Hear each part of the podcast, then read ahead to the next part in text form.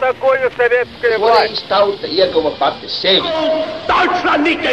Liktenīgas nejaušības un slēptas likumsakarības, subjektīvas patiesības un objektīvi aizspriedumi.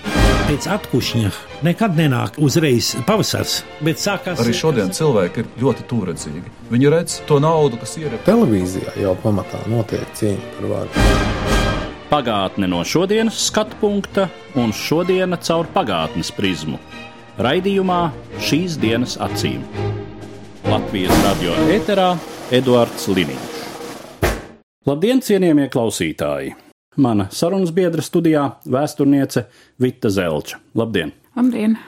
Barona tēva 150 gadi ir palikusi, es domāju, daudziem ļoti spilgtā atmiņā, jo tas bija notikums, kas varbūt es pat teiktu, bija redzamākais nākošās trešās atmodas priekšnojautās, kad jau gaisā bija tāds brīvības aromāts, un šī jubileja bija kā iemesls, lai apzinātos arī dzen latviskuma vērtības, lai tās apliecinātu, lai savā ziņā kārtējo reizi nostātos tādā intonatīvā opozīcijā toreiz pastāvošajai vēl padomju varai.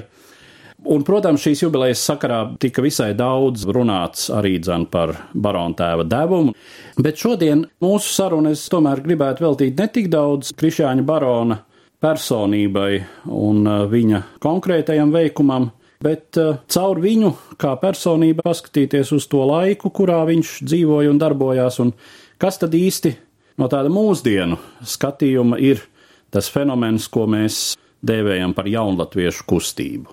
Krišāns Barons ir viens no jaunatiešu kustības simboliem, un Krišāna Barona tēls varbūt ir visvairāk atpazīstamais no visiem jaunatviešiem, gan pateicoties krāšņajai un ļoti politiski un sociāli nozīmīgajai viņa 150 gadu jubilejai, Ar tādu varbūt nelielu ironiju gribētu piezīmēt, ka no visas lielās jaunatviešu pirmās trijotnes, Krišāns Valdemārs, Jūras Alunāts un Krišāns Barons, Baronam bija arī tā veiksme nodzīvot visilgāk un sagaidīt Latvijas republikas nodibināšanu un savu mūžu pēdējos gadus, Krišāns Barons faktiski bija dzīves vesela laikmeta simbols, un viņš gan piedalījās Latvijas universitātes dibināšanā, gan Latvijas preses simts gadu krāšņajā jubilejā 1922. gadā un ar savu ļoti interesanto, simpātisko ārējo veidolu, šis sīkais, bet staltais stāvs, sirmie mati, krāšņā bārda, un šādā veidā viņš arī parādījās tā laika preses fotografijās, pirmajās kinohronikās un veselai paudzē cilvēku ar savu simbolisko klātbūtni vēstīja un stāstīja par jaunatviešu laikmetu, tā nozīmi un tā svaru. Jo pārējie jaunatvieši aizsaulē aizgāja ātrāk, un viņi vairāk palika kā tādas aizgājuša laikmeta vērtības. Bet tieši Krišāns Barons bija pirmā sasaiste starp pirmo jaunatviešu laikmetu un Latvijas valsts izveidošanu. Runājot par Krišānu Baronu un arī dzen viņa laika biedriem, kas bija šī ļaužu grupa savā darbības sākumā, jaunu cilvēku grupa, kuru mēs šodien dēvējam par jaunlatviešiem. Var teikt, ka tā ir pirmā latviešu inteliģences paudze. Tas ir, protams, kā mēs to vēlamies, jo dažkārt jau sameklē vēsturnieki, literatūra pētnieki, arī senāka laikmeta cilvēkus, kuriem šī tautība gluži nav pazudusi, un viņi ir studējuši Tērbats universitātē vai paveikuši kādu kultūras veikumu, bet jaunatviešu eksistences sāls un darbības jēga ir tā, ka viņi pirmoreiz skaļi manifestēja savu nacionālo piederību un vienlaikus arī iekļāvās kopējā Eiropā notiekošajā plūsmā, kas nozīmē nacionālismu dzimšanu, nacionālo vērtību, īpašās lomas veidošanu, nacionālās kultūras radīšanu, un ejot šajā kopējā Eiropas straumē un vienlaikus ļoti nozīmīgajos Latvijas mēroga sociālajos notikumos, viņi ir palikuši, kā mēs gribētu vienmēr teikt, ļoti daudzās vietās pirmie. Tad droši vien rodas jautājums pirmām kārtām, nu tad no kurienes?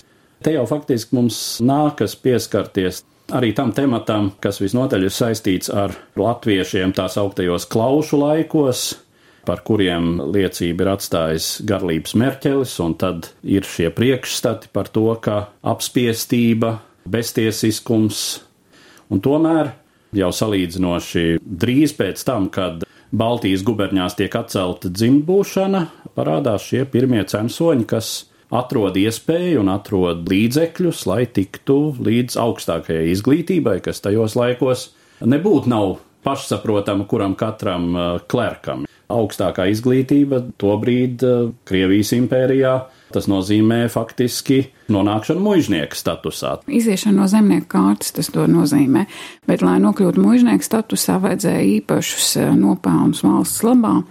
Un uh, latviešu vidū tādu ir salīdzinoši maz. Mūsu pirmais šis mužnieks ir cenzors Adriāns Ruperts, kurš ar tādu kārtīgu valstisko darbu kļuva par dienesta mužnieku.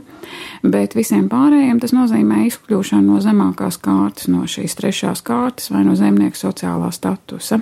Bet es gribētu sacīt, ka jums ir pilnīgi taisnība, ka šajā izglītībā slēpjās daudzas atbildes uz laikmetu jautājumiem, Un par atslēgas figūru gan Aleši gribās dēvēt Krišānu Valdemāru šim laikmetam. Un, protams, ka šai viņa tuvākajai domu biedru grupai ir ārkārtīgi liela nozīme. Un iespējams, ja nebūtu bijusi tik spilgta personība kā Krišāns Valdemārs tieši šajā laika posmā, kad iegadījās viņa dzīve, šis tas varbūt varēja vēsturē būt savādāks. Un tas ir arī šobrīd tas jautājums, kā mēs skatāmies un vērtējam jaunatviešu kustību šobrīd, kad virzoties uz Eiropas Savienībā dziļāku integrāciju, uz tādiem globalizācijas procesiem, ļoti lielā mērā šīs nacionālās vērtības ir nivelējušās un dominē ekonomiskās eh, vērtības, tieksme pēc attīstītas patēnieciskās sabiedrības, labklājības. Tas atkal liek skatīties savādāk uz jaunatviešu kustību. Ja 20., 30. gados, 80. gados, 90. gados mēs jaunatviešu kustību vērtējam kā absolūti pozitīvu fenomenu, tad šobrīd ir parādījusies tā skepse, ironija, nesapratne vai arī varbūt vairāk tādu negatīvu aspektu meklējami jaunatviešu kustībā. Un meklējam, kāpēc viņi rīkojās tieši tā un ne savādāk. Jo, ja mēs runājam par šiem trim cilvēkiem, Krišāns Valdemārs, Krišāns Barons un Jūras Alunāts, tad viņus šķir nelielas šīs gadu atšķirības. Arī Krišānim Valdemāram bija tāda neliela dzimšanas diena apaļa, jo viņš ir dzimis 1825. gadā, Krišāns Barons kā pastarīts ir desmit gadus jaunāks, un pa vidu ir Juris Alonāns, Bet eh, Krišānam Valdemāram arī sākoties jaunatviešu kustībai un rodot to ideju un atspērienu nacionālismu centieniem, viņam jau ir diezgan skarba dzīves pieredze uzkrāta, kurā ir šie daudzie sociālie šķēršļi, kurus netik viegli izdevās pārvarēt. Tas ir 40. gados šī neuzņemšana Jelgavas ģimnāzijā vienkārši sociālās un nacionālās izcelsmes pēc. Tad ir ļoti smagi skolas gadi Liepājas ģimnāzijā, nonākot vācu klasē, kur tomēr pārējie klases biedri pārstāv citus sociālos slāņus. Tas nozīmē tādu ikdienas eh, kultūras mācīšanos, šo sociālos pārliecienus, kā uzvesties eh, cita sociālā slāņa vidē. Jo, kā dažkārt arī rakstīja Krišāņa Valdemāra um, vēlākie paziņas un draugi, daudzas lietas viņš arī tā līdz mūža galam nebija kārtīgi iemācījies. Piemēram, kā pareizi lietot salveti pie galda, kas nav svarīga zemnieku vidē, bet savukārt ir svarīga augstāka kārtu aprindās.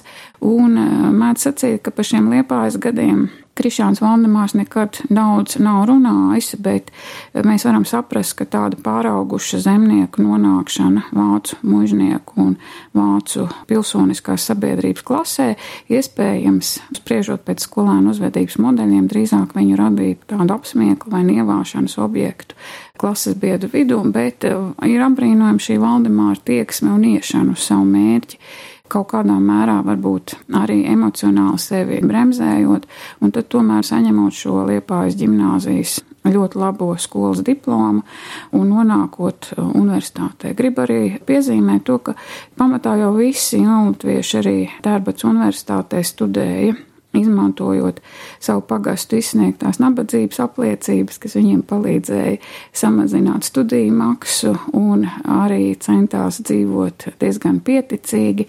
Šādā veidā, veidojoties tādai sociālai grupai, kurā ir šī kopīgā dzīves pieredze, arī notika šie savas identitātes meklējumi.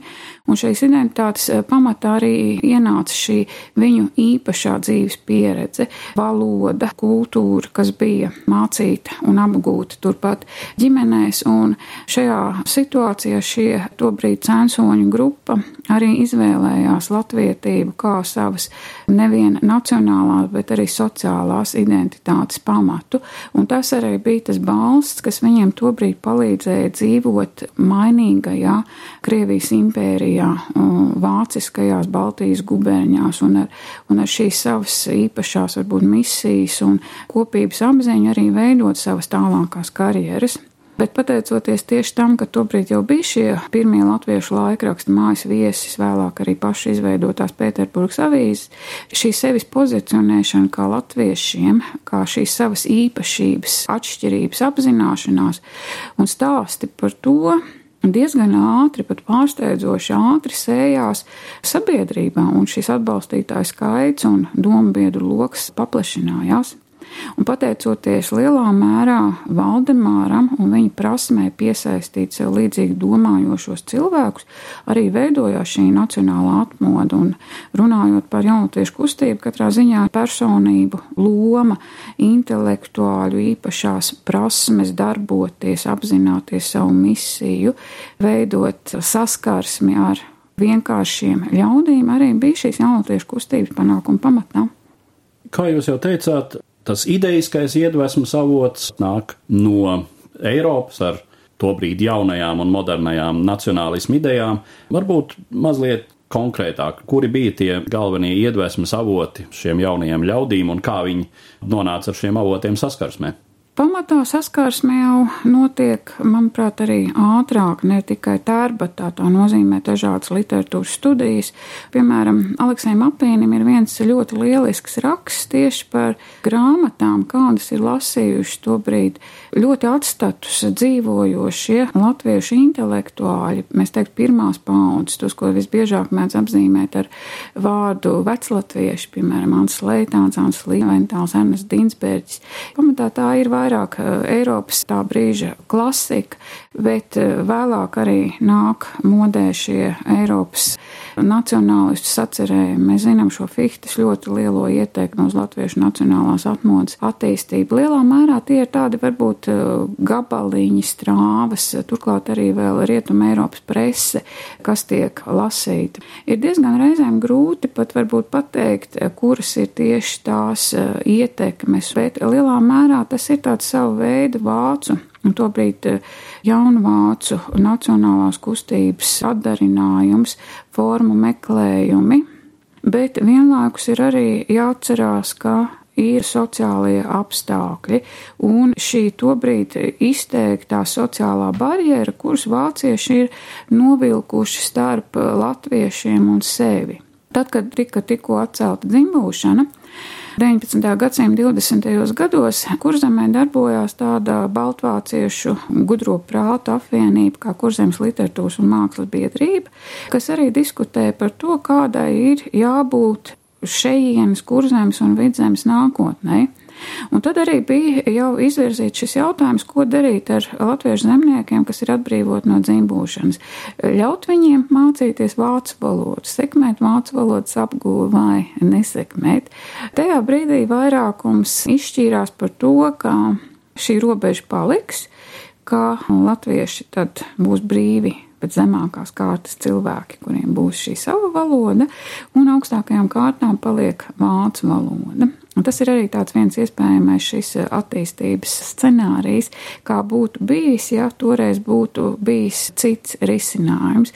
Bet šajā gadījumā šī strauja ekonomiskā attīstība iespējas pamanīt, ka ir iespējams arī ar darbu, ne tikai ar sociālo izcelšanos, gūt dzīvē panākumus, ka iespējams arī ar izglītību gūt eh, panākumus. Šos procesus pabīdīja citos virzienos. Un lielā mērā šī nošķirtība, manuprāt, darīja ļoti lielu sociālo aizvainojumu, kas jau 50. un 60. gadu jauno cilvēku paudzē nebija pieņemama šī sociālā nošķirtība. Un šis sociālais aizvainojums arī kalpoja gan kā ekonomiskās attīstības dzinulis, gan arī kā jaunatviešu kustības dzinulis. Tādā gadījumā es gribētu sacīt, to, ko es varbūt nedaudz mazāk iezīmēju, to, ka šajā gadījumā šīs divas lietas saslēdzās kopā zināšanas, Eiropa un iekšējais stāvoklis. Kā mēs teiktu, veidojās šāds zvaigžņu stāvoklis vai kopējā apstākļu sakritība, kas lika izveidot šo teorētisko konceptu, kāda tad varētu būt latviešu tauta. Un to tad arī tobrīd darba darīja jaunie studenti, visvairāk Juris Alunāns, kurš interesējās par literatūru, par vēsturi, par valodu, kas mēģināja gan valodu papildināt ar jauniem vārdiem, gan piedāvāt uh, Latvijas vēstures jaunus konceptus, ka latvieši kādreiz ir bijuši laimīgi un brīvi un attīstīti tauta, bet tad uh, vācu krusneši to visu ir nolaupījuši un ir pienācis laiks šai tautai atdzimt, balstoties uz šo savu skaisto seno pagātni, kad latvieši ir bijuši attīstītāki nekā vācieši.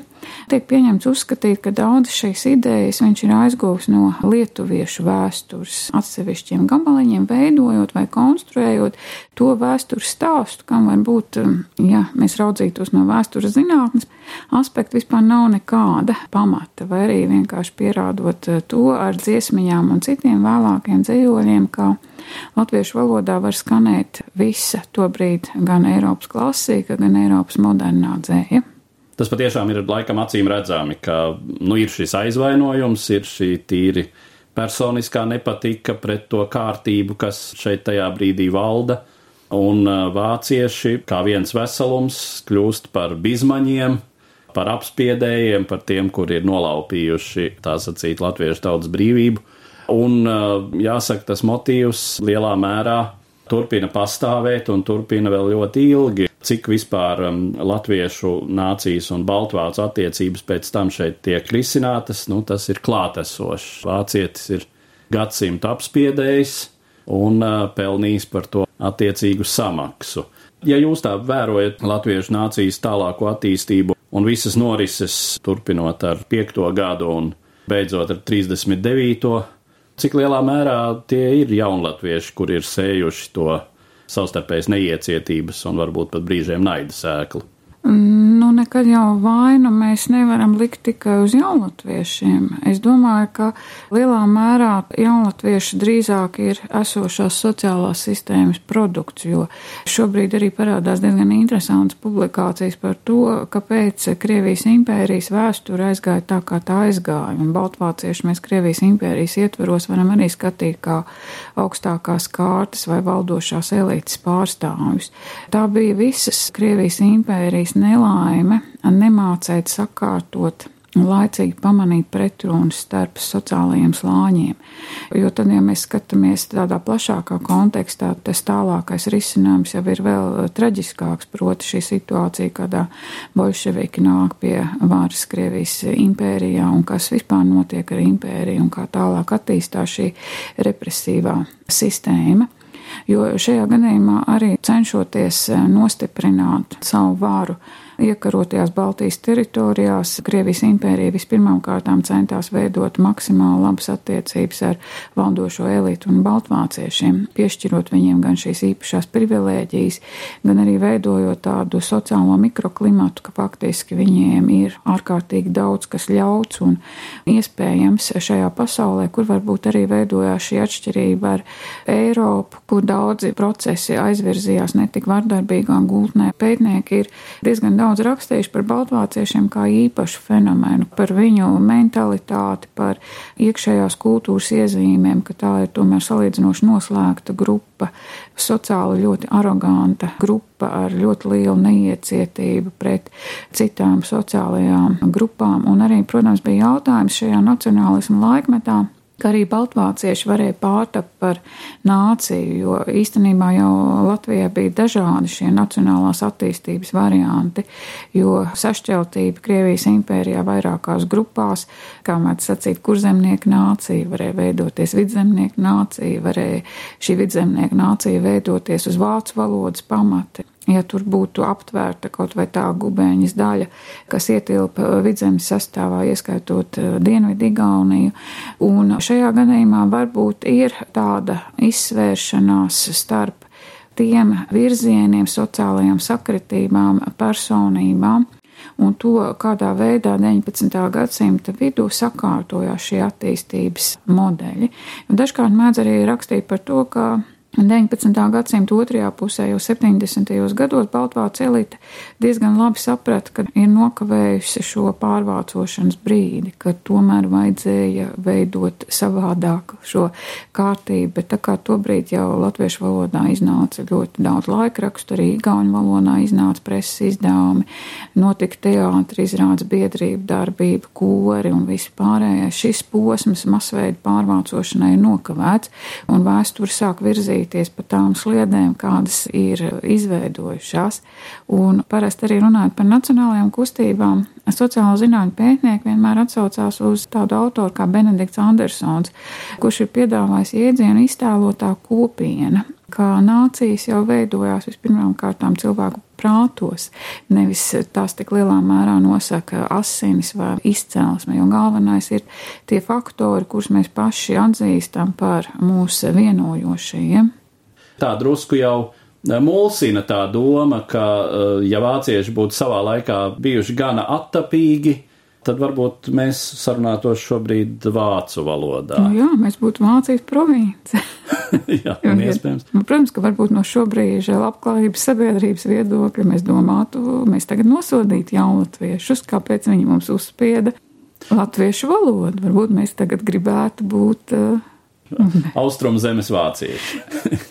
Lai gan jāsaka, no otras puses, jaunatviešiem nebūtu nebijis svešs arī šis motīvs veidot labklājīgu eksistenci.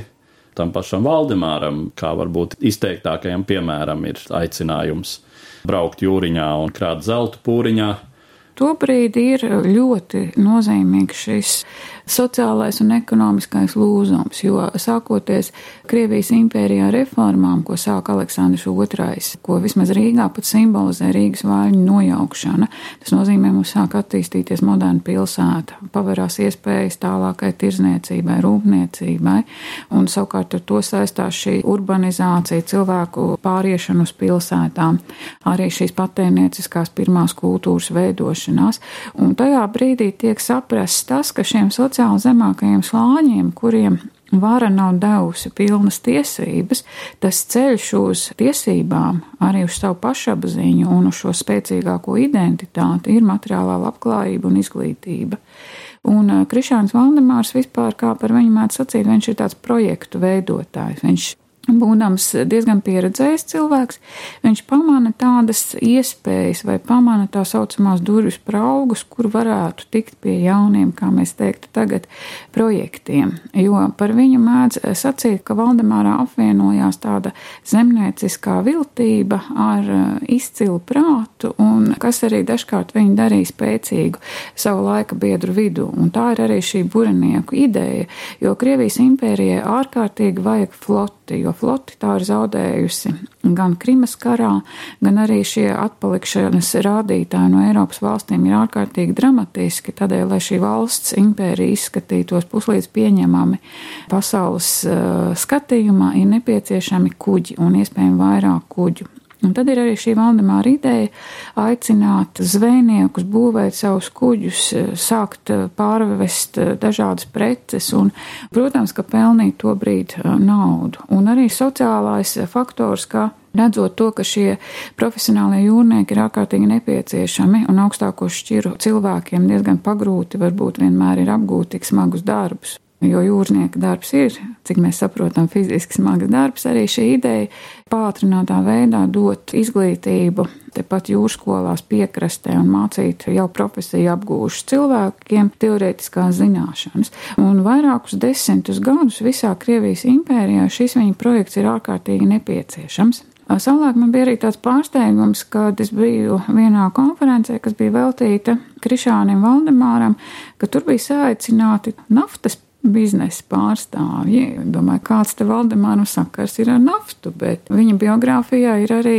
projekti, kādā veidā no Kaspijas jūras vest naftu uz Eiropu. Un arī ir tādi mēģinājumi šos pašus bureniekus pārvērst par tankuģiem. Un tas vēl viens ļoti zināmais Kristiānu Dāla projekts - apgūt šīs Sibīrijas upes, jā, izpētīt Sibīrijas upes un padarīt tās kuģojumu šīm tirzniecības precēm.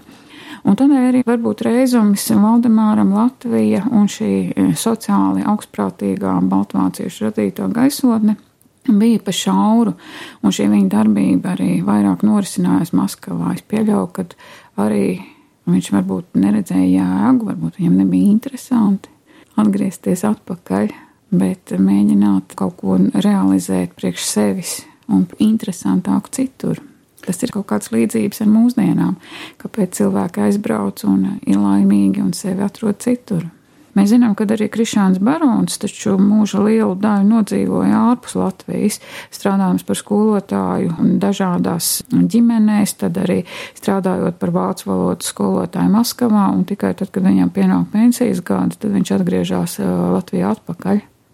Mūsu sarunu tuvinot noslēgumam, joprojām jau laikam jaunatviešu loma, vismaz tādā populārā līmenī, tiek vērtēta pamatā kā pozitīva un kā ļoti nozīmīga latviešu nacionālajai attīstībai, tādā plašā skatījumā, apkopojot visu to, ko mēs runājām, kā jūs vērtētu šo cilvēku nopelnus mūsu šodienas radīšanā, teiksim tā. Nu, tas ir skatoties eh, atkal no mūsu vēlmes vērtēt, jo vienmēr jau arī vērtējumi ir mainīgas parādības, jo lielā mērā vēsture jau nepastāv vēstures pēc, bet vēstures zināšanas mēs izmantojam, lai pamatotu un skaidrotu kādas mūsu šā brīža izjūtas, attieksmes un vajadzības. Ja mēs uzskatām, ka latviešu nācijas pastāvēšanai ir jēga, un ka tā ir nākotne, tad jaunatvieši ir šī procesa, latviešu modernās nācijas sākuma punkts. Tā tad nenoliedzami, ja latviešu nācija mums ir vērtība, protams, arī jaunatviešu devums šai sakarā ir nenoliedzams. Nu jā, bet ja mēs atkal uzskatām, ka latvieši ir bijuši kļūda, kā dažkārt izskan, vai arī mūsu pašvērtējuma līmenis nokrīt tik zemu, kā varbūt ir šī vairīšanās no tautības atzīšanas kādu tur ārzemju kolēģu priekšā vai kaut kā tam līdzīgi.